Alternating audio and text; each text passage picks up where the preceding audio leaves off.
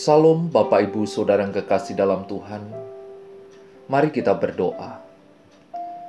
Bapa di dalam surga, berikan kasih-Mu terus nyata di dalam kehidupan kami. Lewat renungan ini kami boleh belajar dan menjadi berkat bagi orang lain. Di dalam nama Yesus kami berdoa. Amin. Tema Jangan Membunuh. Matius pasal 5 ayat 21 berkata, Kamu telah mendengar yang difirmankan kepada nenek moyang kita. Jangan membunuh. Siapa yang membunuh harus dihukum. Arti kata membunuh adalah menghilangkan, menghabisi, mencabut nyawa, mematikan, menghapus, memadamkan, menutup. Pembunuhan adalah suatu tindakan menghilangkan nyawa seseorang dengan cara yang melanggar hukum maupun yang tidak melawan hukum.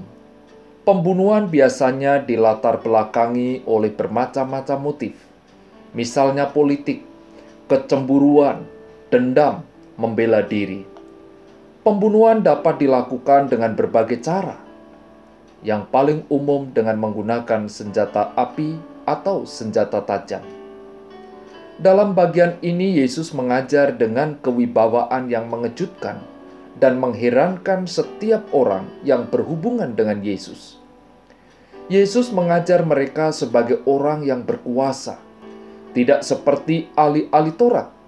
Di dalam Markus 1 ayat 22, wibawa kuasa Yesus mengucapkan segala sesuatu atas kuasa dan wibawa Yesus sendiri Pengajaran Yesus sangat mengejutkan.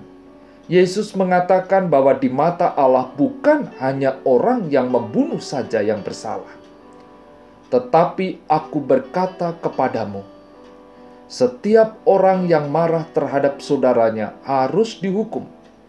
Siapa yang berkata kepada saudaranya kafir harus dihadapkan ke mahkamah agama, dan siapa yang berkata jahil harus diserahkan ke dalam neraka yang menyala-nyala. Yesus mengajarkan bahwa pikiran, angan-angan, khayalan sama pentingnya dengan tindakan dan perbuatan nyata. Yang dikehendaki Yesus ialah agar setiap orang sama sekali tidak mempunyai keinginan untuk melakukan hal-hal yang jahat itu. Yesus mengajarkan bahwa seseorang tidak hanya dihakimi berdasarkan tindakan-tindakannya, melainkan juga dihakimi berdasarkan keinginan-keinginan yang mungkin tidak pernah menjadi nyata di dalam perbuatan. Salah satu ciri Kristiani yang harus nyata dalam hidup anak-anak Tuhan adalah sikapnya terhadap sesama manusia. Sikap tersebut harus berpadanan dengan bagaimana Tuhan bersikap terhadap manusia ciptaannya. Ingatlah, menumpuk kemarahan dalam hati kita akan meracuni pikiran dan tindakan kita. Kemarahan dapat menyebabkan kita kehilangan kendali diri dan berbuat apa saja pada orang lain.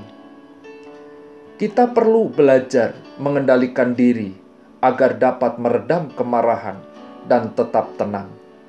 Itulah kunci kemenangan kita atas kemarahan. Bagaimana dengan kehidupan saudara? Kiranya Tuhan menolong dan memampukan kita. Mari kita berdoa.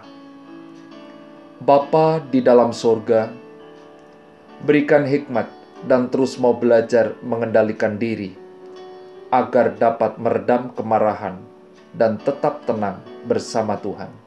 Mampukan kami Tuhan. Di dalam nama Yesus kami berdoa. Amin.